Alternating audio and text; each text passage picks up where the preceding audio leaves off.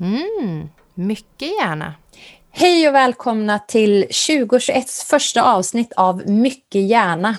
Podden om hur forskning kan användas praktiskt i skolan. Vi som är här idag, det är jag, Betty Tärning. Jag är kognitionsforskare vid Lunds universitet. Med oss på länk har vi också Kalle Palm och eh, jag är gymnasielärare i matematik, fysik och filosofi. Men jag har också en bakgrund i kognitionsvetenskap. Och jag, Björn Sjödén, jag är lektor i utbildningsvetenskap vid Högskolan i Halmstad, men har också en bakgrund i kognitionsvetenskap vid eh, Lunds universitet. Mm. Och idag, eller dagens avsnitt handlar om att våga lära sig. Eh, och ibland kan ju elever känna ett motstånd eller till och med rädsla för att lära sig saker. Och det kan ju handla om att man tycker att ett ämne är väldigt komplext eller svårt, men det kan också handla om andra saker. Och det här ska vi prata lite mer om i dagens avsnitt. Och första frågan då, tänker jag, är när kan man vara rädd för att lära sig? Eller hur märks det i ett klassrum, Kalle? Ja, eleverna är kanske inte så mycket rädda för att lära sig som rädda för att visa att de inte kan någonting. Alltså att eh, elever vill gärna visa att de liksom kan allting som jag ska gå igenom, men så är det ju naturligtvis inte, för då hade de inte behövt vara där. Men det är ändå väldigt svårt att komma runt det där, att, att det är många som, som inte gillar att svara fel eller ja, att på något sätt visa att man inte kan. Och, och där, där finns mycket rädsla, framförallt i matematik. Mm. Precis, matematik kommer vi nog komma tillbaka till, för det här med matematikängslan är ju ett väldigt etablerat begrepp. Men du var lite inne på det redan nu, Kalle, men varför, Björn, skulle man inte våga lära sig någonting? Jo, för det första vill jag verkligen understryka det där med att, att våga inte är detsamma som att kunna. Men vi är rädda för att misslyckas. Precis, alltså visa vad vi, att vi inte kan någonting, precis som Kalle sa. Eh, och att lära sig någonting nytt betyder att vi i någon mån är beredda att flytta oss utanför vår normala bekvämlighetszon, alltså att göra någonting som är potentiellt obekvämt för oss. Eh, eh, och då handlar ju lärande om att vilja göra någonting som man potentiellt inte kan. Och det sätt som jag tror att det här kan visa sig just i, i undervisning och, och, för elever, det är att man undviker obehag som till exempel då att göra misstag inför andra. Eh, vi är också obenägna att anstränga oss för sånt som är jobbigt och det är jobbigt att lära sig nya saker. Eh, och vi kanske också är ängsliga för att bryta sociala normer. Och det där är viktigt i ett klassrum, alltså att man har ett tillåtande klassrumsklimat som eh, man brukar säga ibland att det finns inga dumma frågor till exempel, eller vi är här för att lära oss och att Eh, att man försöker skapa den här miljön då som gör att man inte ska behöva vara rädd för alla de här sakerna. Där tänker jag direkt på att du sa att att man inte vill liksom eh, utmana sig för att då har man en risk att visa sig att man inte kan och så vidare. Och, och det är jättevanligt bland elever eh, som har svårt för matematik att de inte vill att de inte vill liksom göra en uppgift som är lite svår utan man vill hellre räkna hundra uppgifter som man vet precis hur man ska göra än en där man är lite osäker precis på hur man gör. Att man vill liksom eh, man, man vill aldrig komma utanför den här eh, bekvämlighetszonen eller, eller som eh, lärare är vana vid att prata från lärarhögskolan om man pratar om Vygotsky, alltså att komma ut i den proximala utvecklingszonen istället och, och, och faktiskt lära sig någonting. Ja, precis. Jag måste koppla på det med detsamma där, Kalle, att det här med den alltså proximala utvecklingszonen, det, det är intressant eftersom det är ett sånt socialt eh, eh, betingat begrepp. Alltså man brukar tala om det i termer av att man utvecklas med hjälp av att man får stöttning utifrån. Men man kan ju faktiskt också se på det som att man får stöttning inifrån, alltså med avseende på vad det är jag vågar sträcka mig efter. Det som jag skulle kunna nå ifall jag faktiskt vågade göra någonting mer än, än vad jag för stunden gör i en viss, mm. visst ämne för en viss uppgift. Och det har vi pratat lite om i tidigare avsnitt också, det här med self-efficacy, att man ska också ha tilltro till sin egen förmåga att ta sig an lite svårare uppgifter kanske till exempel. Och har man inte lyssnat på det får man gärna gå tillbaka och, och lyssna på det. Eh, men jag, det är intressant att ni pratar just om det här med matematik tycker jag, för att eh, matte är ju ett ämne som man ganska ofta hört talas om att folk har lite ängslan för matte, eller man pratar om matteängslan och man tycker det känns svårt och jobbigt och sådär. Och varför är just matematik, eller varför har just matematik en särställning skulle ni säga? Mm. Ja, jag undervisar i både matematik och andra ämnen och, och den, den ängslan som finns för matematik finns ju inte alls i fysik och verkligen inte i filosofi.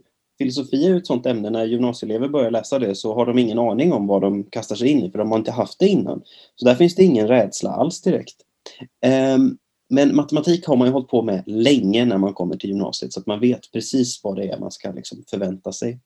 Och jag tror att, att det är den här föreställningen som finns, framförallt i västvärlden, om att matte är någonting som man antingen så är man bra på det eller så är man dålig och det är någon sorts medfött. Ehm, men det är ju ingen som tror att allt du kan om historia är medfött. Det vet man ju att man måste lära sig. Men av någon anledning så finns den här eh, tråkiga uppfattningen i, i Sverige och västvärlden att matematik är något man bara kan. Och det stämmer ju inte alls.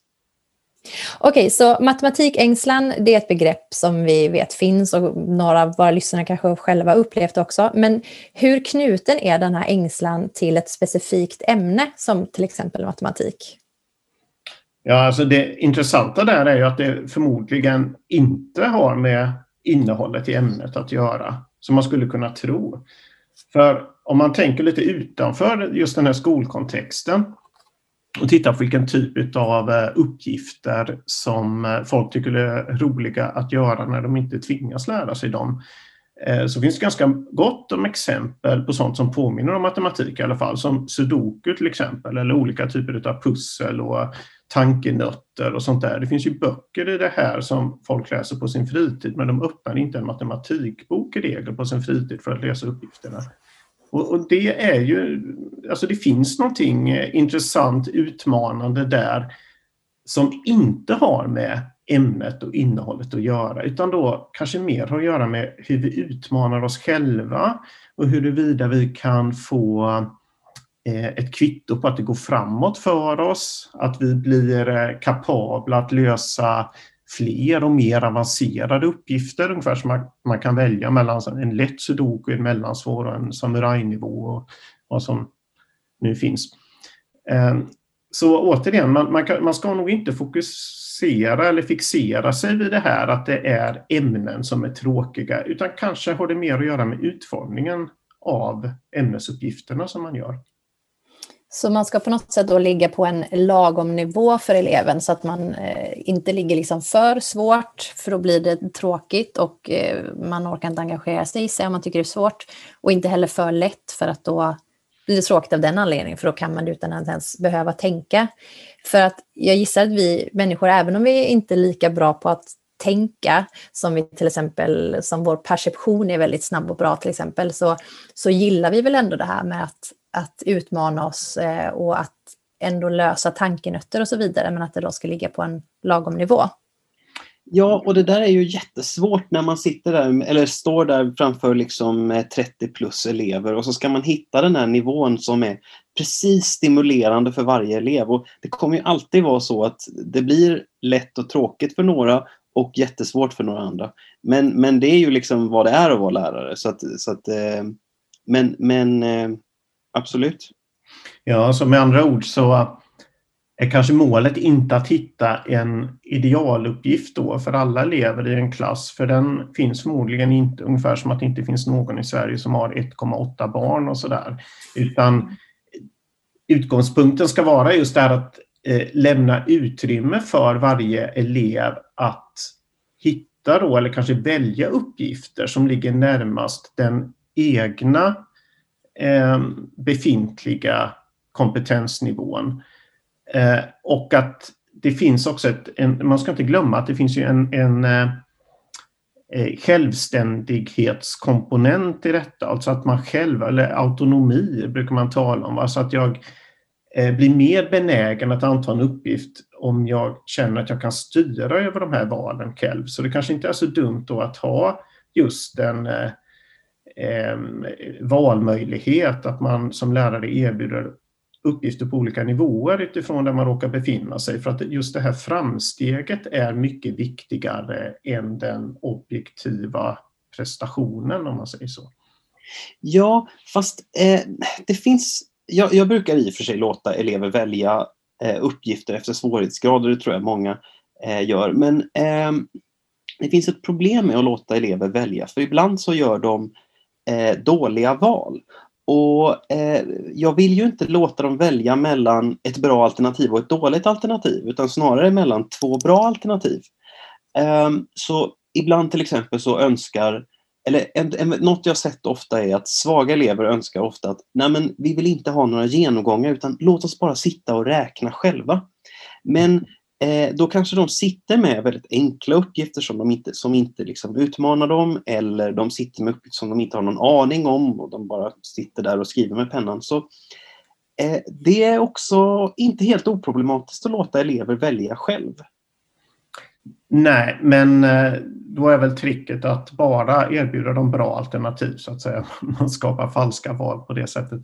Eh, men jag tror att det faller tillbaka på det här att vad är det som gör att man inte skulle välja någonting bra? Ja, men det, det har nog att göra med de här faktorerna som vi nämnde i början. Man är rädd för att göra fel, men framförallt inte visa upp för andra att man gör någonting dåligt. Eh, och man kanske är lite rädd för att anstränga sig därför att man vet inte vad man får tillbaka från den ansträngningen om man eh, in, inte arbetar i rätt riktning så att säga.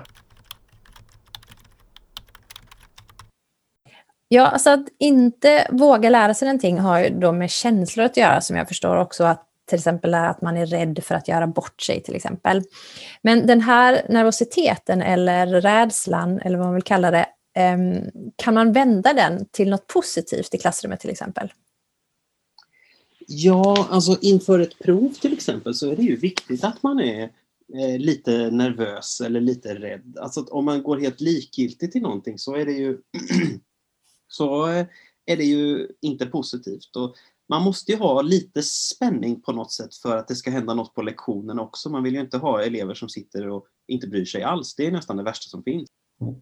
Eh, precis, och det där med eh, rampfeber då, som man kan kalla det, det har ju forskning visat också att det där kan ju vara bra framförallt inför ehm, eh, att man ska prestera på någonting då som, som eh, ett prov till exempel.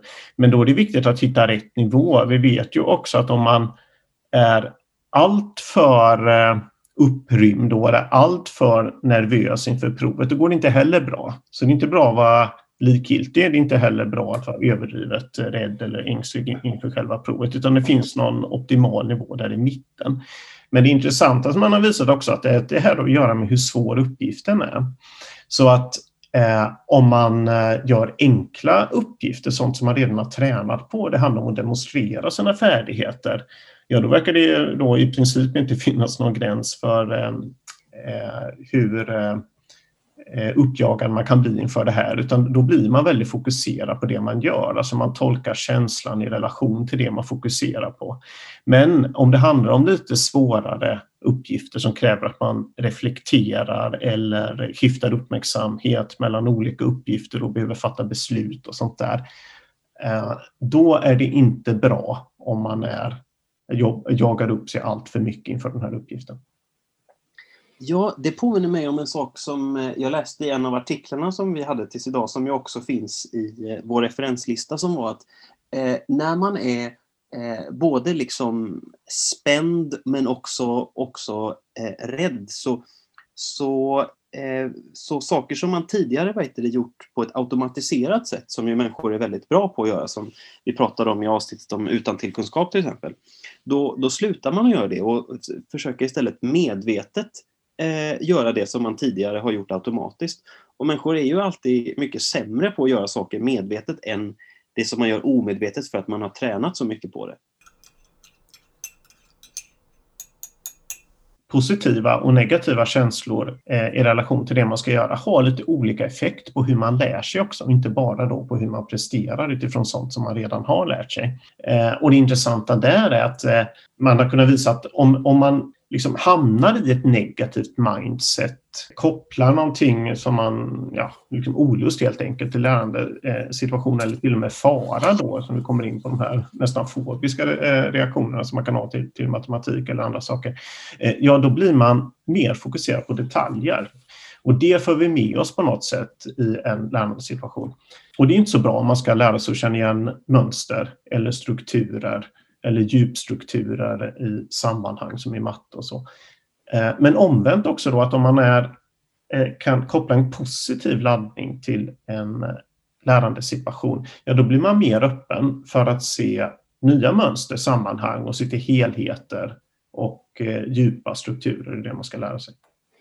Precis, och det kan vi också lägga upp en liten artikel. Det är Fredrickson och Brannigan som gjorde en liten intressant studie kring detta, precis som du nämner Björn, hur att man då Eh, får man se på positiva känslofilmer innan man gör vissa uppgifter så, så blir man mer kreativ och flexibel och öppen för ny information till exempel.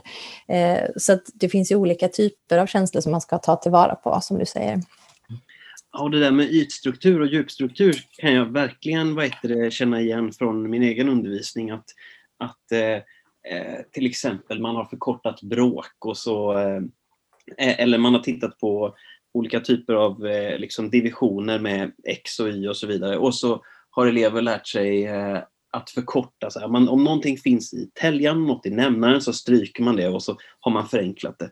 Och sen så ser de inte vad är det man faktiskt gör eller vad är det det betyder, utan de letar bara efter de här eh, ytstruktursakerna som påminner utseende om eh, det man har sett innan. Ja, så olika känslor har alltså betydelse och man påverkas av att ha andra människor runt omkring sig i avseende vad man vågar och kanske inte vågar göra i ett klassrum. Vad behöver man då tänka på för att skapa ett eh, tryggt klassrumsklimat som främjar lärandet? Mm. Där skulle jag säga att det, det enskilt viktigaste är att eh, tänka på att man, man skärper sig lagom mycket i den här sociala interaktionen som man ändå har i ett klassrum. Ehm, alltså, det, det, finns tidigare forskning som har pekat på att okej, okay, det verkar bättre att man sitter ensam och studerar när man ska lära sig saker. Eh, men att man testas på sina kunskaper i en mer social situation. Så som man typiskt gör när man sitter och skriver prov eh, i, i, i en skrivsal eller en tenta eller sådär. Eh, Ehm, men det kanske inte riktigt är så, för då har då senare forskning plockat upp just det här att man kan ju faktiskt använda den sociala situationen som vi har i klassrum på ett positivt sätt också. Så det korta budskapet är att om jag om, om jag är liksom lagom spänd för den här uppgiften och inte bara sitter och lyssnar på en föreläsning tillsammans med andra utan faktiskt också agerar i den här situationen så att jag då pratar med andra om det som är viktigt i lärandesituationen, då kommer jag också att lära mig mer. Just på grund av den här sociala interaktionen i klassrummet. Men jag tror också att eh, visst är det viktigt att, eh, att man är eh, tydlig med att eh, man får göra fel och så vidare. Men eh, i praktiken så tror jag att man måste också man måste jobba även, även på gymnasiet. Jag, och eh, jag vet att man inte har möjlighet att göra det här på högskolan, men egentligen kanske där också. Alltså att man jobbar eh, aktivt med de sociala relationerna så att mm. eleverna får lära känna varandra och vara trygga med varandra och så vidare. Att, eh, att, eh, att eh, det är alltid en skillnad mellan att, att, säga att det är på ett visst sätt och att mm. Eh, eleverna verkligen känner att det är på det sättet. Nej men absolut, det handlar ju att, eh, i bokstavlig bemärkelse här, att leva som man lär va? och lära sig som man lever också. Eh, men eh, framförallt att etablera normer. Det är ju det som är så viktigt, därför vi tänker ofta att vi har, vi har ju alltid med oss normer för hur vi ska bete oss.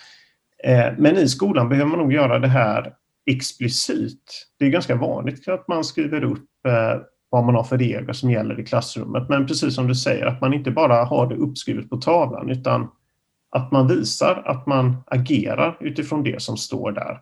Om det nu är att det finns inga dumma frågor eller vi får göra fel, vi lyssnar på varandra och så vidare. Jag tror nästan det viktigaste, eller en, en viktig sak där är hur hanterar man sina första misstag med en ny klass? Alltså mm. när man själv gör ett misstag, att man verkligen är så super, liksom, oj, nu gjorde jag fel och ja, men det var ju bra att någon sa det, annars hade det ju det här missförståndet fortsatt. Eller, eller att man, att man liksom nästan är lite övertydlig där, att liksom, eh, det här är ingenting som, jag behöver inte skämmas för att jag skrev att eh, eh ett gånger tre blev fyra eller något sånt där att jag, eh, på tavlan utan, utan det är liksom en del i den gemensamma processen som pågår. Och en, och en möjlighet till att lära sig utifrån det felet också, tänker jag. Absolut. Ja. Och dels då att det här görs, som du sa, med, med nya grupper, men också så tidigt som möjligt. Det här är en aktuell debatt. Jag läste nyligen en, en artikel och publicerade då i december 2020 eh, eh, Eh, om vikten av att etablera rätt normer redan i förskolan för att lära sig matematik till exempel. För att redan där etableras sådana här föreställningar som hindrar vårt lärande i, i matte och som kan förklara sånt här som matematikängslan. Vi brukar ju runda av här med att fråga vår lärare med eh, vad han tar med sig från dagens avsnitt. Så att jag gör väl som brukligt och frågar dig, Kalle, vad du, vad du tar med dig från dagens samtal. Ja, det är två saker egentligen. Det ena är det här med att eh, om, man är, om man är för rädd så liksom låser man sig och, och kan inte komma vidare för att man fastnar i de här ytstrukturerna. Samtidigt som jag också tar med mig det här med att, att det finns en viss liksom, nervositet eller spänning i kroppen och sånt där. Eh, det är inte negativt utan det värsta är ju total likgiltighet och att eh, man, man ska inte vara eh, rädd för att eleverna är lite spända men man ska verkligen se till att de inte är rädda. Då vill jag börja min sammanfattning där Kalle slutade i det att ett visst mått av ängslan är bra att ha men att det måste ligga på en lagom nivå relativt uppgiften. Och att den här nivån av ängslan också kan påverka vilken typ av fokus man har, som fokus på helhet eller detaljer. Och vi har också pratat om att känslan av att inte våga lära sig någonting inte är kopplat till ett specifikt ämne, utan att det snarare handlar om att rädslan för att göra fel inför andra, vilket ofta upplevs eh, eller kan upplevas som väldigt obehagligt. Och för att komma till rätta med det här så kan man tänka på att eleven själv ska få välja mellan uppgifter där alla uppgifter ger eleven en möjlighet att lyckas. Och slutligen pratar vi också om den sociala interaktionen i klassrummet och att man kan använda den för att skärpa fokus på det som är viktigt genom att låta eleverna till exempel kommunicera med varandra eller ställa frågor. Och slutligen vill vi också tacka Lunds universitets samverkansinitiativ Tillsammans över tröskeln till framtidens klassrum och vår producent Trond.